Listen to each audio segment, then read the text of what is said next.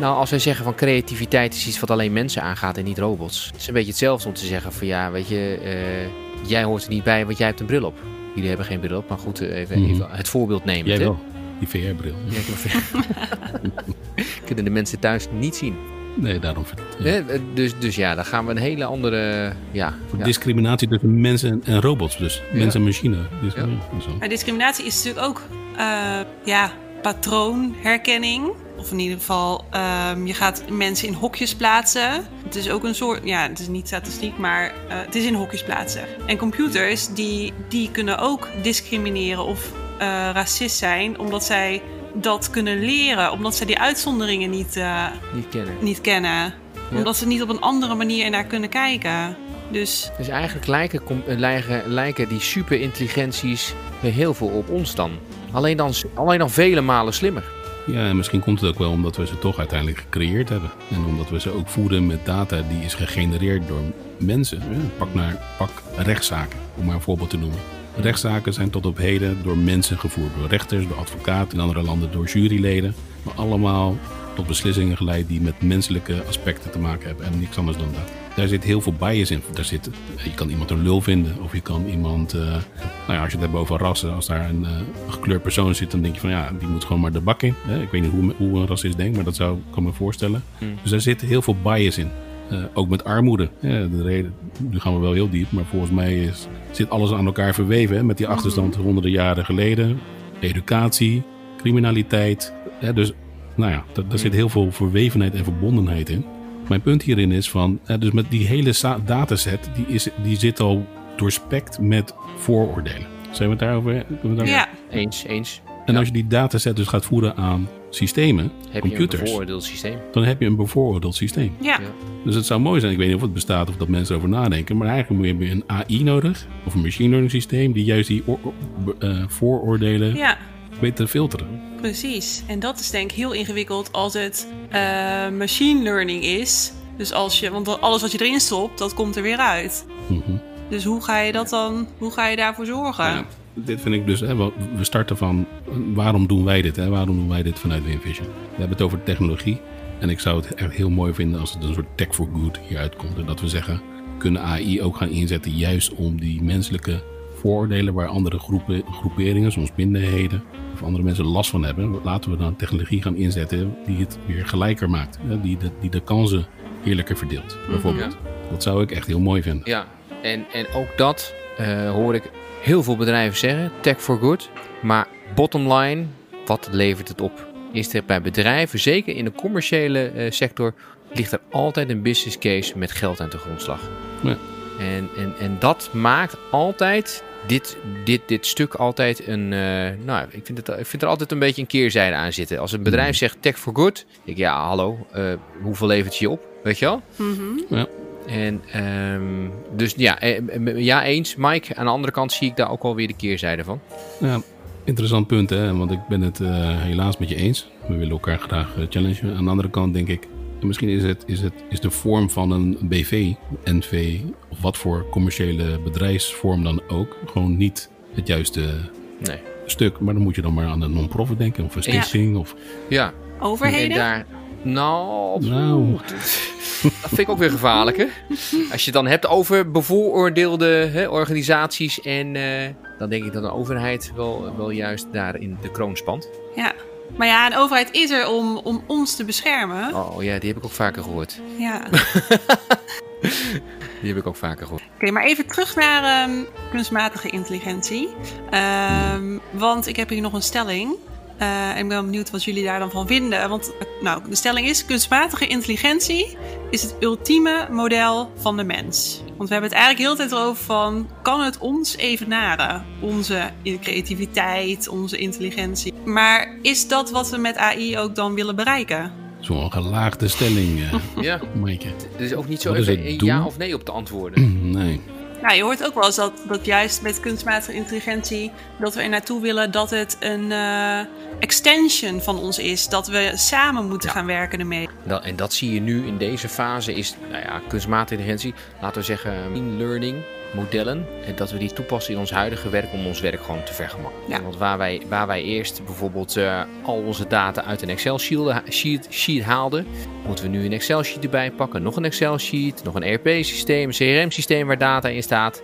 En omdat we zoveel databronnen moeten nazoeken om hetzelfde besluit te kunnen nemen, eh, gaan we daarvoor kunstmatige intelligentie inzetten, ofwel machine learning. Want kunstmatig intelligent is het niet, want ik kan niet zelf denken, want wij leren het waar, wat de uitkomst moet zijn. Is daarmee je vraag beantwoord? Voor mijn kant. Ja, Wat is het eigenlijk? Een ik vind het wel een lastige, nog steeds. Stelling, vraag. Kunstmatige steeds- intelligentie is het ultieme model van de mens. Eens eens. Het ultieme model. Nee, ja. Ik, mijn, mijn gevoel zegt in alles nee. Oneens. Totaal niet. Want het doel is niet dat AI op ons gaat lijken. Op de een of andere manier hebben we wel een level AI van de, die is dan gelijk aan de mens.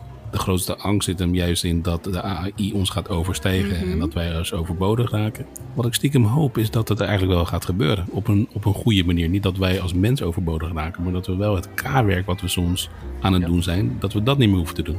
En als je nu al ziet met een bovengemiddelde mensen, intelligent, bovengemiddelde intelligente mensen, zoals wij hopelijk eh, elkaar kunnen inschatten. Zelfs, zelfs wij, tenminste ik word echt gek van hoeveel informatie op je afkomt. Je hebt weer een belofte gedaan, er komt een taak aan, er komt actie aan. Hoe mooi zou het zijn als je gewoon een slimme helper hebt. Of nou een AI is, een butler, digital butler, geef het een mooie naam. Maar die jou het leven makkelijker maakt. Ja. En dus technologie die jou helpt in plaats van compliceert. Die jou vertelt van, hé, hey, je hebt gisteren nog... eh, en ik snap dat die scheidingslijn is echt heel flinterdun, hè. Want een Facebook die zou zeggen, joh, doe dan, dan die bril op of doe dat even aan. Dan luisteren we met je mee en dan kunnen we je er morgen aan herinneren. Maar die, die hebben weer inderdaad dat bedrijfsdoelstelling. Die willen, wat is de bottom line? Maar uiteindelijk zoek ik wel naar technologie die mij wel echt helpt. Een AI die zegt, veel Mike, je hebt nu, eh, gisteren tegen Mike eh, aan de telefoon beloofd dat je vandaag je, je stuk zou opleveren. Ik heb nog gezien dat je, je, nog, ineens aan bent begonnen. Dus nou, om je belofte in te willigen, zou Zal ik hem eens even tijd schrijven? Zal ik hem, ja, Ja. Sterker nog, ja, dat is helemaal mooi. Ik heb hem alvast drie kwart voor je klaar. Ik heb hem voor je geschreven. Re- review hem. Nou, hebt- hij ziet dat, hij- dat ik naar kijk. Oké, kan ik hem nu versturen? Ja, prima. Weet je, hoe, hoe mooi zou ja, dat zijn? Ja, toch? ja, ja, ja. ja daar, daar, dat, dat is. eh, ja, als dat eens zou kunnen.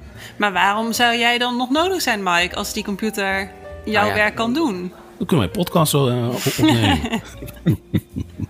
We worden supermensen.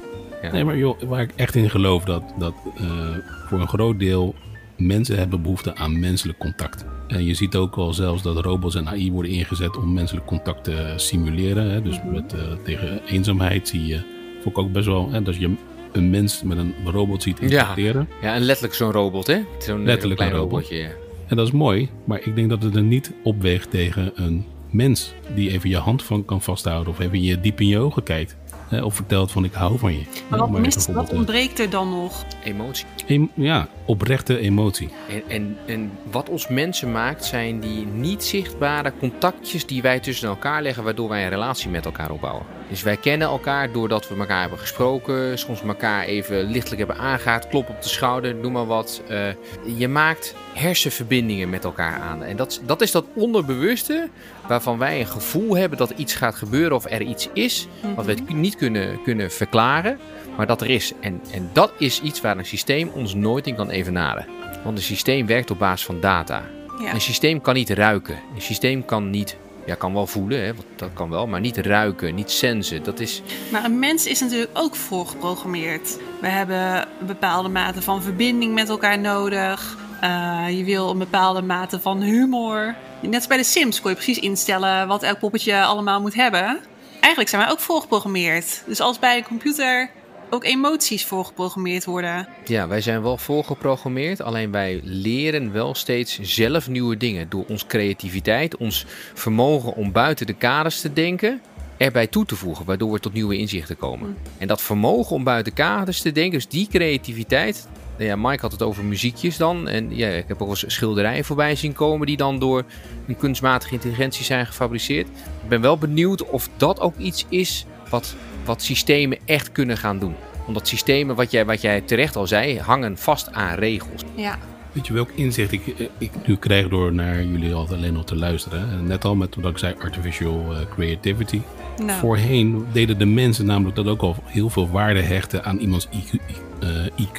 En dan heel snel, althans, dat heeft nog best lang geduurd voordat mensen gingen nadenken van ja, eigenlijk is je EQ net zo belangrijk of misschien stiekem wel veel belangrijker. Hè? Wat is je emotionele quotient? Quotient. En misschien is het ook wel met computers het geval. Moeten we ook maar eens gaan kijken eh, wat, dan, wat is dan de artificial emotion van een systeem als het al überhaupt er is. ja. En, en, en joh, Hollywood die bereidt ons er ook al voor hè, met een Wally bijvoorbeeld. Hè, dat er echt wel emotie in een, eh, in een robot kan. Ja. Nou ja, met de film Hurt vond ik ook wel zo heel duidelijk Oh ja, voorbeeld. goede film. Ja, Prachtig. Ja. Joaquin Phoenix. Ja. En dan kom je op het derde element. Hè. We hebben het over AI gehad. Onderdeel daarvan is machine learning. Dat is feitelijk een schil binnen die AI-schil. En een derde eh, onderdeel weer van machine learning is deep learning. Ja, wat is deep learning precies? Ja, ik ben niet de expert of zo, maar eh, mijn beeld en mijn metafoor daarvoor is dat je, je hebt twee competitieve systemen. De ene die eh, heeft een opdracht om je eh, te, te voelen, hoe zeg je dat, te, te, misleiden. En het andere systeem is juist bedoeld om je eh, ergens van te overtuigen. Wat ik daarmee bedoel is, stel, eh, maak een cartoonpoppetje van Maaike. Of maak een, een schets van Maaike. Dat is het ene systeem. En die moet jou gaan schetsen. Die maakt een, een versie 1 heel snel. Hè, dus dat gaat hij niet tekenen. Maar en dat laat hij aan het andere systeem zien. En het andere systeem zegt, nou, dat lijkt echt niet. Want die weet hoe jij eruit. Het tweede systeem gaat dan weer eh, iets, een tweede versie ervan maken. Nou, dat lijkt er al wat beter op. Hè. Dus het zijn twee competitieve, dus dat is in een neuraal netwerk, die met elkaar strijden. Het is hetzelfde met eh, deepfakes. En maak, de ene zegt, joh, maak een deepfake dat je niet kan herkennen.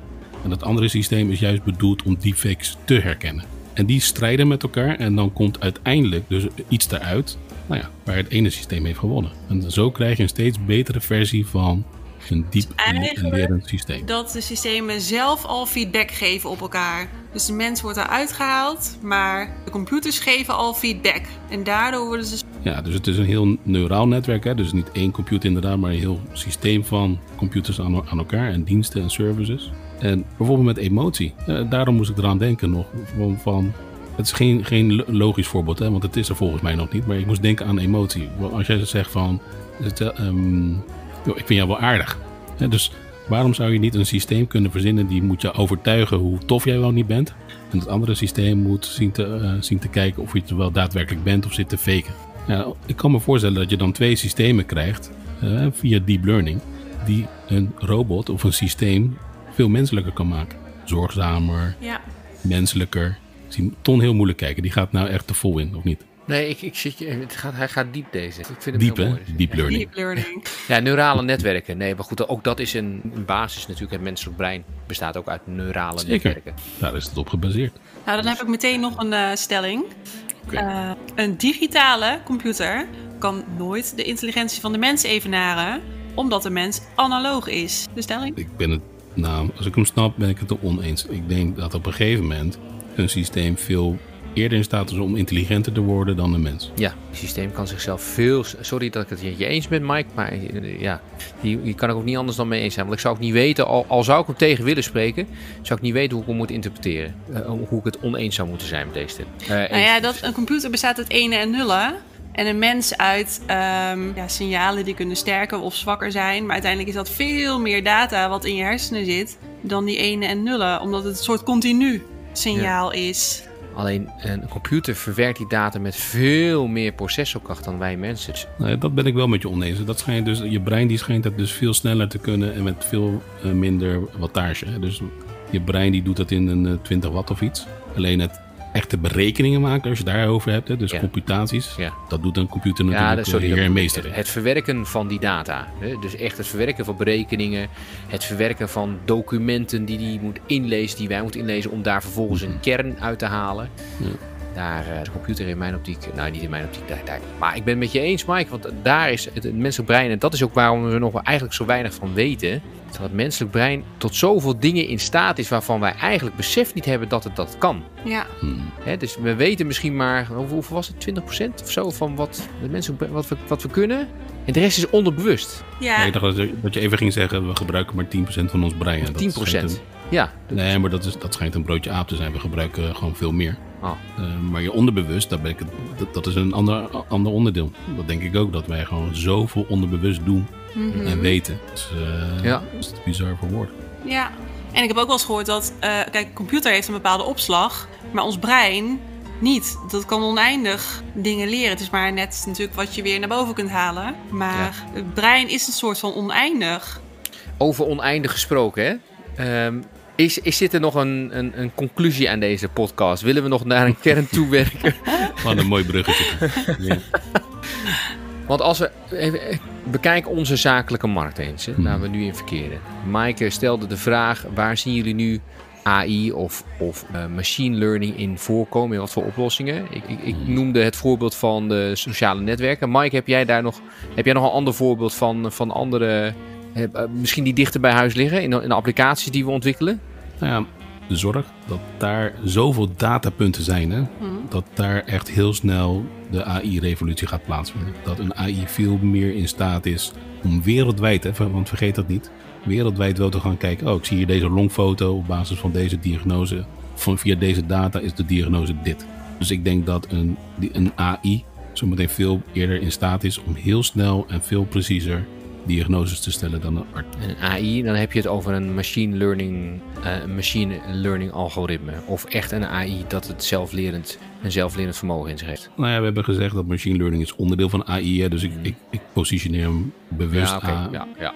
Nou ja, ik- deze, dit voorbeeld is niet van mezelf, maar van een eh, ex-Google, ex-Microsoft, ex-FBI zelfs. Hè, James Whittaker. En, en een fantastisch mooi voorbeeld. Dat is namelijk de, zijn jacuzzi.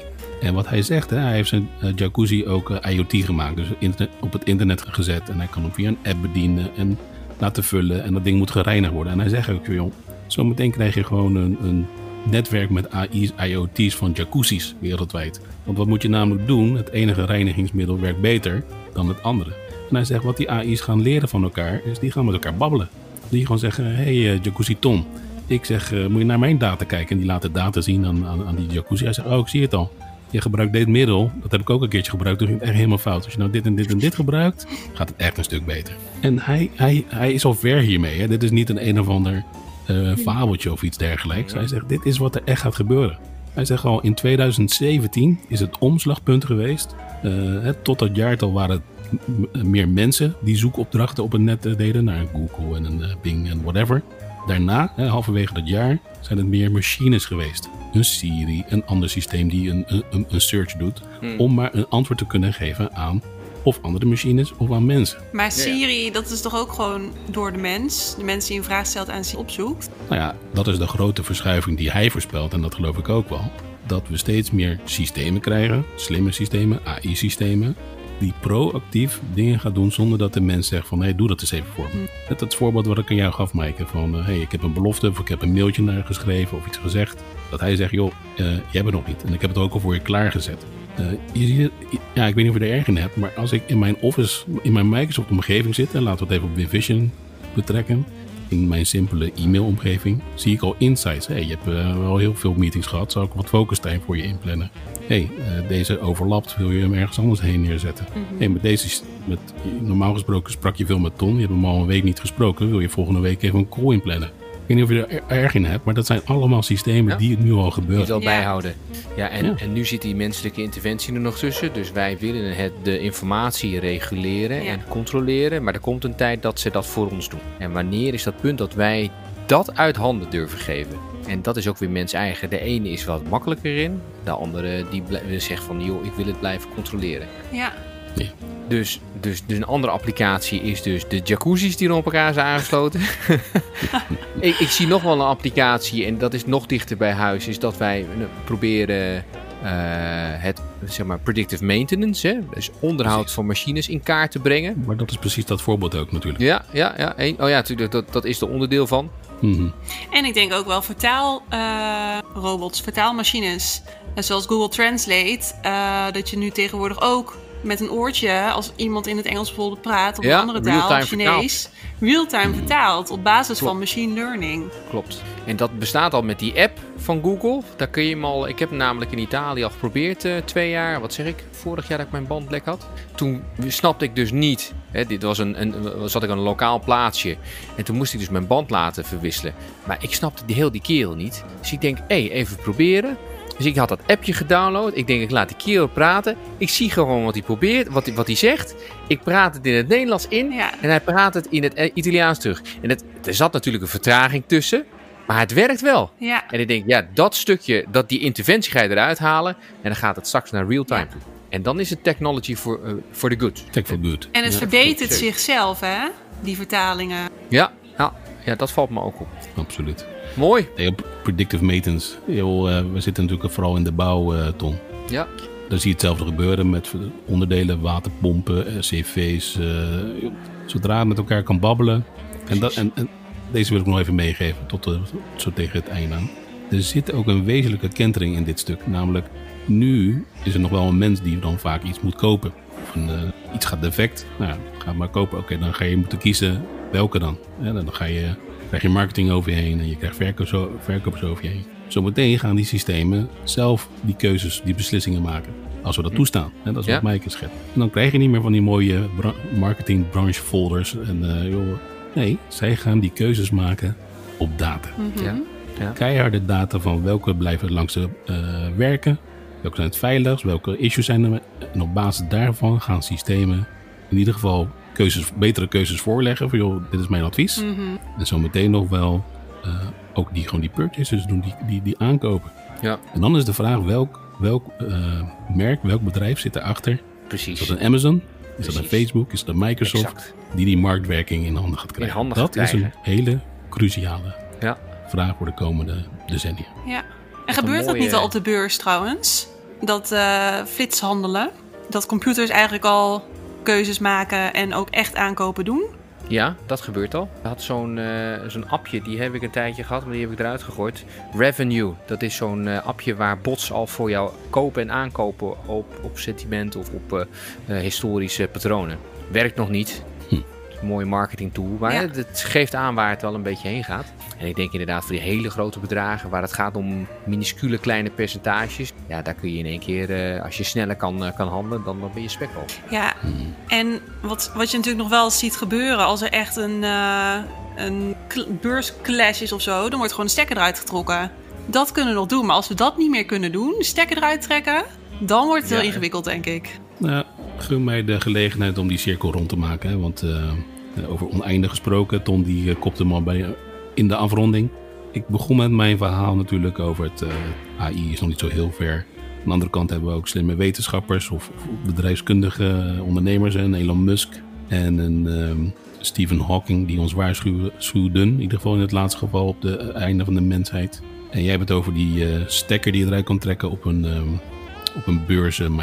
Maar Misschien moeten we ook wel eens nadenken, we als mens, we wereldwijd, over zo'n kill switch voor AI. Hmm, Ja, er zijn ook wel veel Zeker. Nou, dat tot slot. Misschien nog mooier dan echt iemand die vertelde over een eh, sollicitatievraag van Google. En die kreeg eh, de vraag, als je de kans krijgt, eh, zou krijgen, zou je dan een einde willen maken aan het internet? Hele bijzondere vraag natuurlijk. ja. En? Dat vraag je nu aan ons. Nou ja, denk er eens over na. Want dat, misschien is het internet misschien nog wel het, het gevaarlijkste medium dan van AI. Ja, Als sowieso. het, eenmaal, als, als het eenmaal op AI, eh, Ja. op het internet, op het web rondzwerft. Klopt. AI kan niet leven zonder internet. Dat, is, dat, is, eh, op- ik bedoel, dat lijkt mij vrij evident. Maar ja, zou ik zonder willen? Nee, never nooit. Natuurlijk niet. Kunnen wij nog leven zonder internet? Nee, je wordt overal verslaafd aan gemaakt. Ja. Nee, wij kunnen ook niet eens. Het is een primaire levensbehoefte geworden, internet. Ja. En het biedt ook weer heel veel mooie kansen. Ja, en om jouw vraag te beantwoorden, Mike, ik zou niet het internet willen beëindigen. Maar ik kan ook nog niet overzien wat, eh, wat de toekomst gaat doen. Mhm. Nou, dat is natuurlijk de crux van die vraag. Er is geen goed of slecht. Het feit dat je al eerst pauzeert en erover nadenkt, dat is al een goed teken. Dat je het ook op zijn minst overweegt. Hè. Er zijn ook mensen die zeggen, nee, natuurlijk niet. Eh, of er zijn misschien mensen, ja, meteen. Misschien moet er wel een knop komen om het te kunnen beëindigen. Zullen, zullen wij de kill switch in deze podcast eh, eens omgooien? Hele goede dan. Yes. Waar zit die? En wil je nu wat meer weten over AI in de praktijk? Kijk dan snel op winvision.nl slash digitaal-transformeren. Namens Mike, Mike en mijzelf, bedankt voor het luisteren en tot een volgende Treehouse Talk.